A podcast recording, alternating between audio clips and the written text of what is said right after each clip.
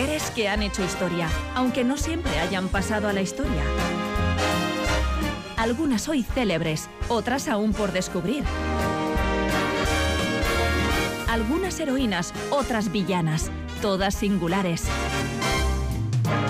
Es tiempo de hacer visible lo invisible. Es tiempo de vivir para contarlas. Cada 15 de abril se celebra el Día Mundial del Arte. Aprovechamos la proximidad de tan señalada fecha para adentrarnos en la apasionante biografía de Peggy Guggenheim, generosa mecenas y gran coleccionista de arte.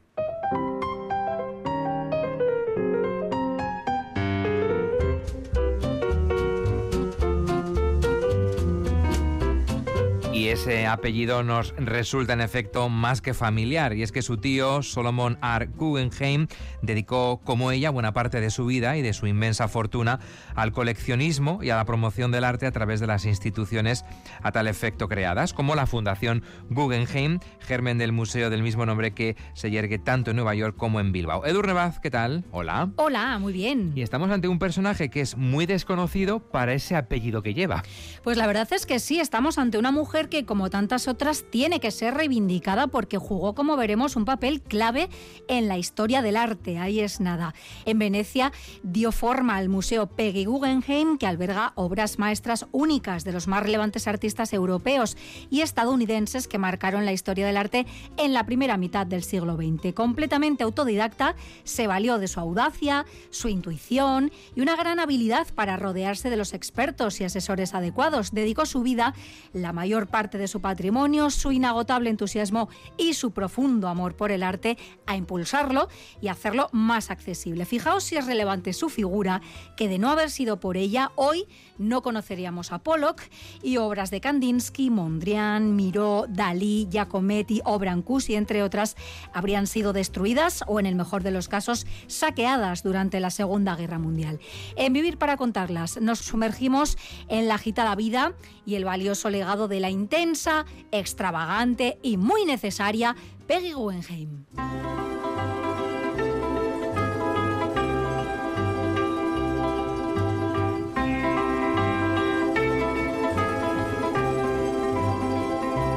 Y como todas las historias, esta también hay que comenzarla por el mismo principio. Margaret Guggenheim Seliman nació en Nueva York el 26 de agosto de 1898 en el seno de una acaudalada familia. ¿eh? Su padre y su madre descendían de las dos familias judías más ricas, pero también enemistadas de Estados Unidos. Sí, esto era digno de Succession, ¿no? La familia de su madre había hecho fortuna en el sector de la banca, mientras que la de su padre había amasado un inmenso patrimonio en el campo de la minería. Pero, como se suele decir, el dinero no da necesariamente la felicidad. Y también se dice que los ricos suelen llorar, también, También lloran, En este caso, ¿por qué?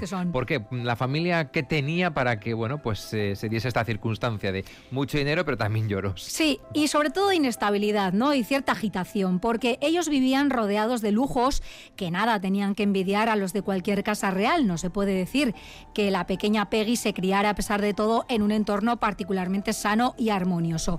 Sus familiares más cercanos eran, por decirlo casi de un modo eufemístico, de lo más singular, ¿no? Su madre, sin ir más lejos, padecía lo que ahora probablemente identificaríamos como un trastorno obsesivo-compulsivo.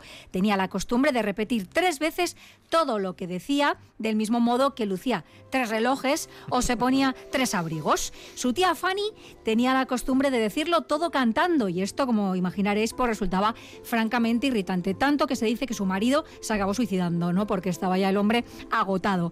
La propia. Peggy, sí, sí, sí, pues ella contó en sus memorias que otro de sus tíos, llamado Washington, tenía el hábito de mascar carbón y esto pues le dejó los dientes negros. Incluso tenía una chaqueta con bolsillos especiales para guardar el carbón y también el hielo, que le gustaba también mascar.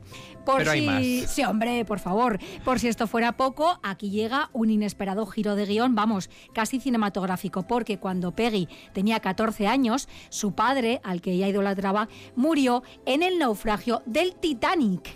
Y bueno, además hay una historia casi heroica detrás, ¿no? Porque tras ceder su chaleco salvavidas a una de sus amantes, era un hombre muy mujeriego y en esta ocasión viajaba con una de ellas, pues Benjamin Guggenheim se hundió con el barco, impecablemente vestido de smoking y atención al dato, llevando en su equipaje un boceto de las señoritas de Aviñón de Pablo Picasso que acabó, por supuesto, en el fondo del mar. Vemos que esta familia tiene muchas intrahistorias de lo más eh, interesantes y extravagantes. Bueno, Peggy en cualquier caso, Peggy Guggenheim parecía llamada a llevar la vida propia de las mujeres de su clase, ¿no? que se resumía fundamentalmente en casarse bien.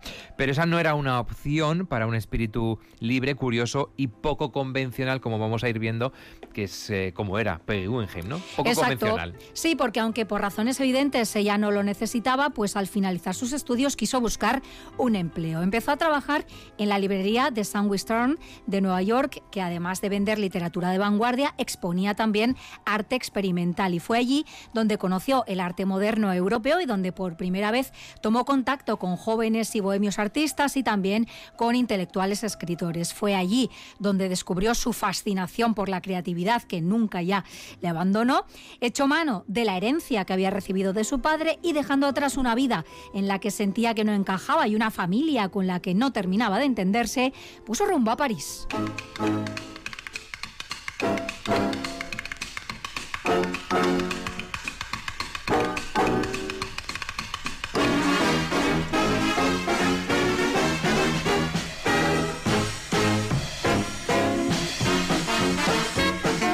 Y damos un salto a los años 20 del siglo pasado porque París era sin duda la meca para cualquier artista o escritor, en una ciudad efervescente que vivía una auténtica explosión de creatividad, era la capital de la intelectualidad, el arte y los excesos. Y esto es eh, lo que se encontró Peggy. Claro, ella llegó allí y se quedó fascinada con la vida bohemia, que muchas veces era lo mismo que decir mm, pobreza absoluta, en la que vivían los artistas y escritores vanguardistas que se agrupaban en el barrio de Montparnasse.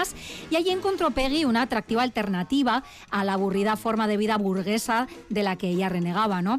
Maravillada, recorría incansable los museos y las calles de París y en un viaje de vuelta a Nueva York para asistir a la boda de su hermano conoció al artista Lawrence Bale, con el que volvería a coincidir después en París. Bale, que se convirtió también en su primer marido, le abrió las puertas de los círculos artísticos e intelectuales en los que se movían los grandes nombres de la época, como Picasso, el artista visual Man Ray, que es autor, por cierto, de algunos de los más icónicos retratos de Peggy Guggenheim, Mary Reynolds y su pareja y colaborador Marcel Duchamp, Hemingway, Cocteau, James y Nora Joyce o la escritora estadounidense Yuna Barnes. Hay que quedarse con ese nombre, ¿eh? con el de este hombre, Lawrence Bale, que le descubrió, digamos, un mundo, ese cielo del arte, pero también convirtió de alguna forma la vida de Peggy en un auténtico infierno. Así fue porque maltrataba a su mujer tanto física como psicológicamente y tanto en privado como en público. Se valía de la gran inseguridad y de un cierto complejo de inferioridad que ella había arrastrado toda su vida. Acomplejada, por ejemplo, por su nariz, llegó incluso a operársela en los albores de la cirugía estética y el resultado fue bastante chapucero. Tras pasar varias semanas encerrada en casa, pues no tuvo más que aceptar los hechos y la verdad es que ya no volvió nunca a intentar arreglársela. Convivió con ella y se convirtió, por qué no decirlo también, en uno de sus rasgos identitarios. ¿no? Peggy sentía que su marido era demasiado guapo y demasiado brillante para ella y así, por ejemplo, lo describía ella misma años después. Su hermoso, ondulado y dorado cabello se agitaba atrapado por el viento. Yo estaba escandalizada por su libertad y, sin embargo, también cautivada.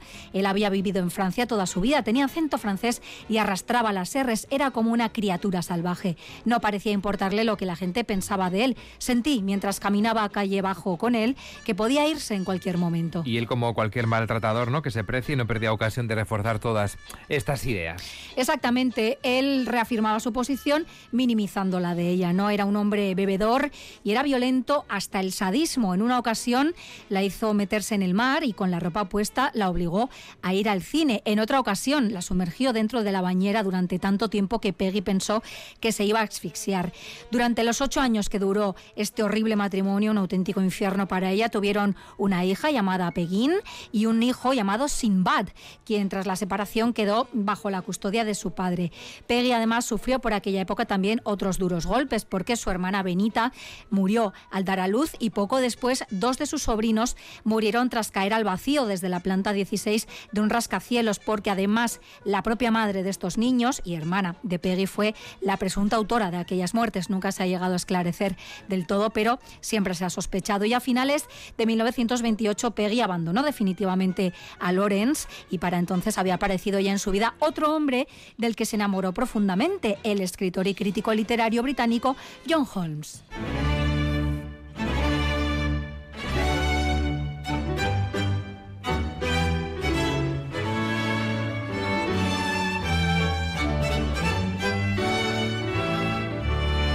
Peggy Guggenheim y John Holmes alquilaron durante un año una casa de campo llamada Hayford Hall, que fue, por cierto, rebautizada por sus amigos como Hangover Hall traducido al castellano sería algo así como el Salón de la Resaca. Esto nos da una buena medida de cómo eran las fiestas que allí se organizaban. Eh, finalizado el alquiler, se mudaron a Londres y por desgracia John murió en 1934 con solo 36 años. Da la sensación de que la desgracia perseguía a Peggy allí por donde se moviese. Sí, por eso decíamos que los ricos también lloran, ¿no? Pero bueno, ella como vemos era una superviviente nata y era una mujer con muchísima intuición. En este caso, eh, la historia de John pues fue también curiosa porque la noche antes de ser operado de una muñeca, se había caído de un caballo, había tenido un accidente de equitación, bueno, pues la noche anterior se había emborrachado, no tuvo en cuenta pues que igual esto no era apropiado de cara a su operación y de hecho jamás despertó de la anestesia.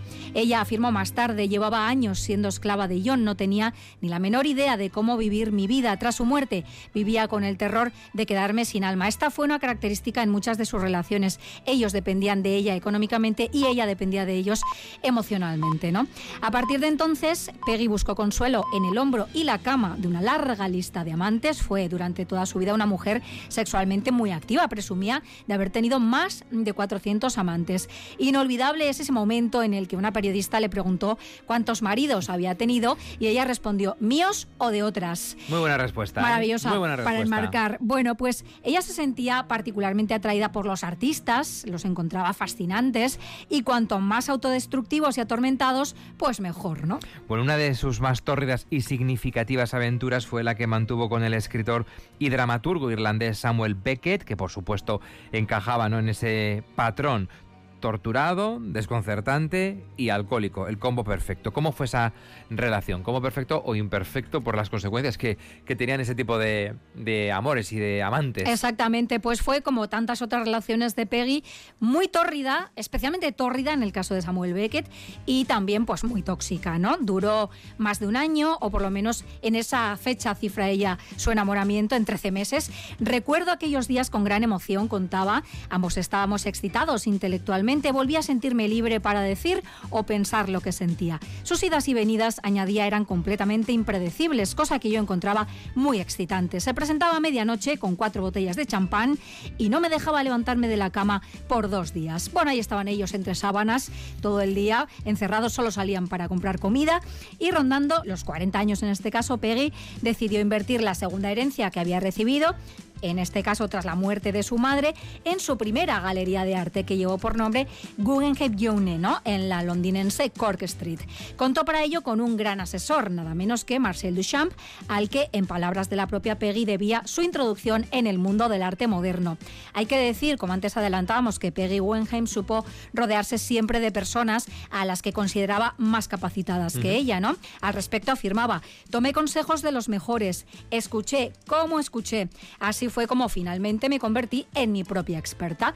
La galería fue inaugurada con una exposición de Jean Cocteau, pero el arte surrealista y abstracto pues era todavía desconocido en el Reino Unido y esto hizo pues que la respuesta del público fuera muy fría. Las exposiciones que siguieron a la de Cocteau, tanto de artistas emergentes como de artistas hoy célebres como Kandinsky o Tanguy, pues no tuvieron mejor suerte y fue entonces cuando Peggy Guggenheim inauguró una peculiar tradición que fue la de comprar una pieza de cada una de las exposiciones que organizaba, especialmente si los artistas no habían vendido nada, como solía ser el caso ella, pues los consolaba así, ¿no? Y así fue, ¿no? Como comenzó su colección de arte, la que se convertiría además en el mayor, ¿no? En la mayor colección de arte del siglo XX que hay es nada. Exactamente. Hay que decir con todo que, bueno, tuvo que acabar cerrando la galería en 1939 porque la cosa era insostenible. Decidió volver a París con la idea de abrir allí un museo de arte moderno y siempre hábil, buscando asesoramiento, llegó a la capital francesa con una lista elaborada por el filósofo y escritor Herbert Red,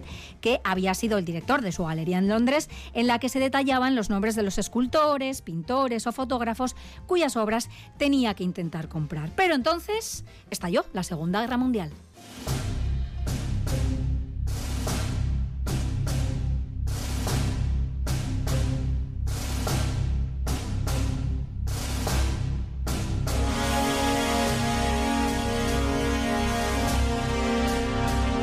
Con el ejército alemán acechando por el norte, la presencia de Peggy Guggenheim en París resultaba muy peligrosa, ¿eh? porque recordemos, era judía. Pero en lugar de huir cuanto antes a Nueva York, optó por alquilar un piso y tratar de comprar las obras que buscaba cuanto antes. Ella tenía sus prioridades y era un poco curioso, ¿no? Pero irónicamente la guerra acabó resultando ventajosa para ella porque los artistas, a quienes los nazis consideraban unos degenerados, necesitaban con urgencia el dinero para poder huir, lo que hizo que Peggy pudiera comprar sus obras a un precio irrisorio. Adoptó entonces su célebre lema, un cuadro al día, ¿no? Ese era el ritmo de compra que ella se impuso, pero se encontró con un problema inesperado y es que el Louvre se negó a custodiar sus obras en el almacén que había habilitado para proteger sus fondos del pillaje nazi. Le dijeron que eran demasiado modernas y que no merecía la pena salvarlas. Y ojo. Hay nombres importantes. Ojo, sí, porque estamos hablando de obras de Kandinsky, Picabia, Gris, Mondrian, Miró, Magritte, Dalí, Giacometti o Brancusi, entre otros muchos. Qué poco ojo tuvo el Louvre. Claro, pues mira, ahora, a partir de hoy, que ya conocemos mejor la historia de Peggy Guggenheim, ya sabemos a quién debemos el placer de haber podido contemplar todas estas obras y no es al Louvre, ¿no? Al final consiguió trasladar sus obras en barco hasta Norteamérica, escondidas entre sábanas y colchas, pero no se limitó solo a salvar el arte, también salvó a los artistas, tramitó visados para varios de ellos y por supuesto sus respectivas familias. Fue el caso, por ejemplo, de André Breton o de un ingrato Max Ernst con el que acabó casándose y que se dedicó a pregonar por ahí que no la quería y que solo estaba con ella por su dinero y por los papeles. Vamos, le salvó la vida y así se lo pagó, ¿no? Peggy no solo facilitó la huida a numerosos artistas y escritores, sino que les buscó también alojamiento en Estados Unidos y les asignó una pensión, en algunos casos vitalicia. Nueva York se convirtió así, gracias también a ella, en el nuevo centro de la vanguardia artística de la segunda mitad del siglo XX. Vamos ahora al año 1942. En ese año precisamente Peggy Guggenheim abrió en Manhattan su galería The Art of This Century, el arte de este siglo, que era un espacio rompedor donde tenían cabida el dadaísmo, el cubismo, el surrealismo o la abstracción y que permitía a los visitantes coger los cuadros como si fueran libros en una biblioteca, es decir, un paso más allá, ¿no? Claro. De un museo al uso. Era, bueno, pues muy innovador y sobre todo ella lo que quería siempre era hacer el arte accesible y qué más accesible que poder coger el cuadro con tus propias manos, ¿no?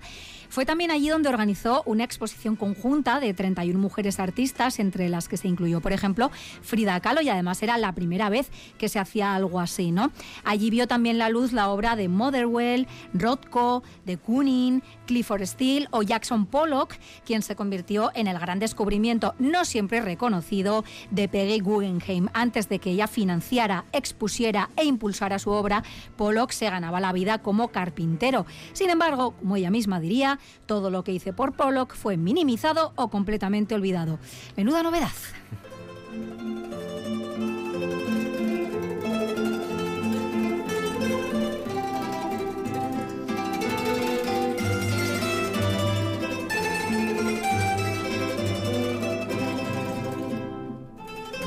Ya estamos viendo en Vivir para contarlas, en la historia de Peggy Guggenheim, que sentía cierta debilidad por Europa, de modo que una vez finalizada la guerra cerró su galería neoyorquina y viajó en esta ocasión a Venecia. Y en septiembre de 1948 la Bienal de Venecia dedicó un pabellón exclusivo a alguna de las obras de, de su amplia y su vasta colección. Tanto le gustó la ciudad que decidió establecerse definitivamente allí. En 1949 encontró un edificio inacabado del siglo XVIII, el Palazzo Venier dei Leoni, lo compró y se instaló allí para siempre junto a sus perros y, por supuesto, su colección de arte, sus bebés también, incluida una escultura bautizada como Ángel de la Ciudad que, instalada en la entrada de su palacio, representaba a un hombre montado a caballo con el pene visiblemente erecto. El detalle curioso era que este pene en cuestión era de y pon. Y esto permitía a Peggy retirarlo cuando iban a pasar por allí monjas u otros religiosos. ¿no? Con los años abrió las puertas de este palacho al público, se convirtió en una casa museo. Tres tardes a la semana los visitantes podían contemplar la magnífica colección de Peggy Guggenheim, incluido el cabecero de su propia cama. No es que entraran hasta la cocina, es que entraban hasta su habitación porque este cabecero estaba diseñado por Calder. Peggy solía ser vista con frecuencia recorriendo los canales de Venecia en su góndola privada, que fue la última góndola privada que se paseó por Venecia luciendo sus emblemáticas gafas con forma de mariposa que había diseñado para ella su amigo y protegido Eduard Melkart y acompañada, por supuesto, por sus inseparables perros. En una ocasión escribió a un amigo, adoro flotar hasta tal punto que no puedo pensar en nada más hermoso desde que dejé el sexo, o mejor dicho, desde que el sexo me dejó. En 1962 fue nombrada ciudadana honoraria de la ciudad y no es para menos, ya que además de instalar ahí su reputado museo, dedicó una gran parte de su fortuna a obras destinadas a salvar Venecia de las aguas.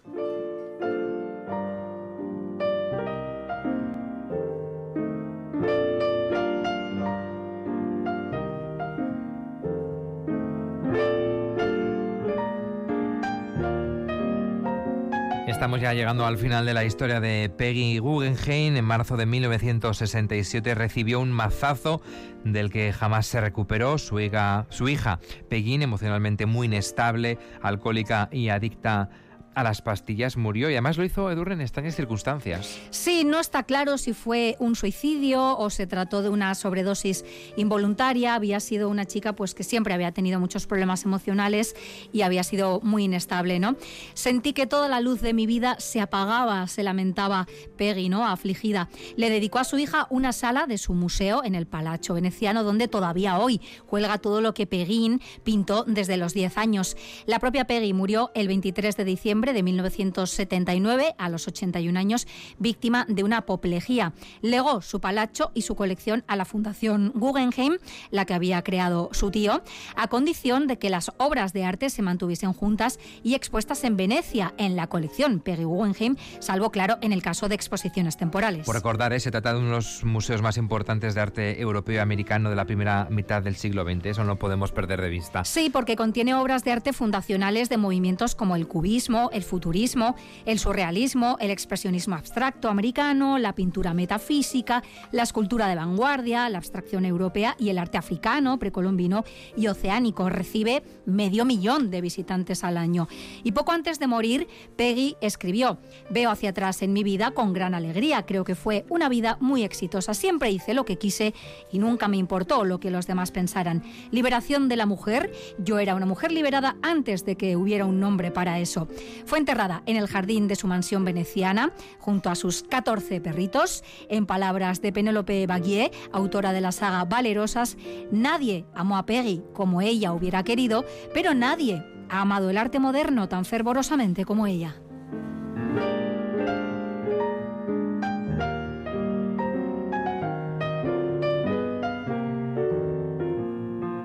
Hoy en Vivir para Contarlas nos hemos sumergido en la agitada vida y en ese valioso legado, como decía Durne, de la intensa, extravagante, sobre todo muy necesaria, Peggy Guggenheim. Es que ricasco. Eso regatic.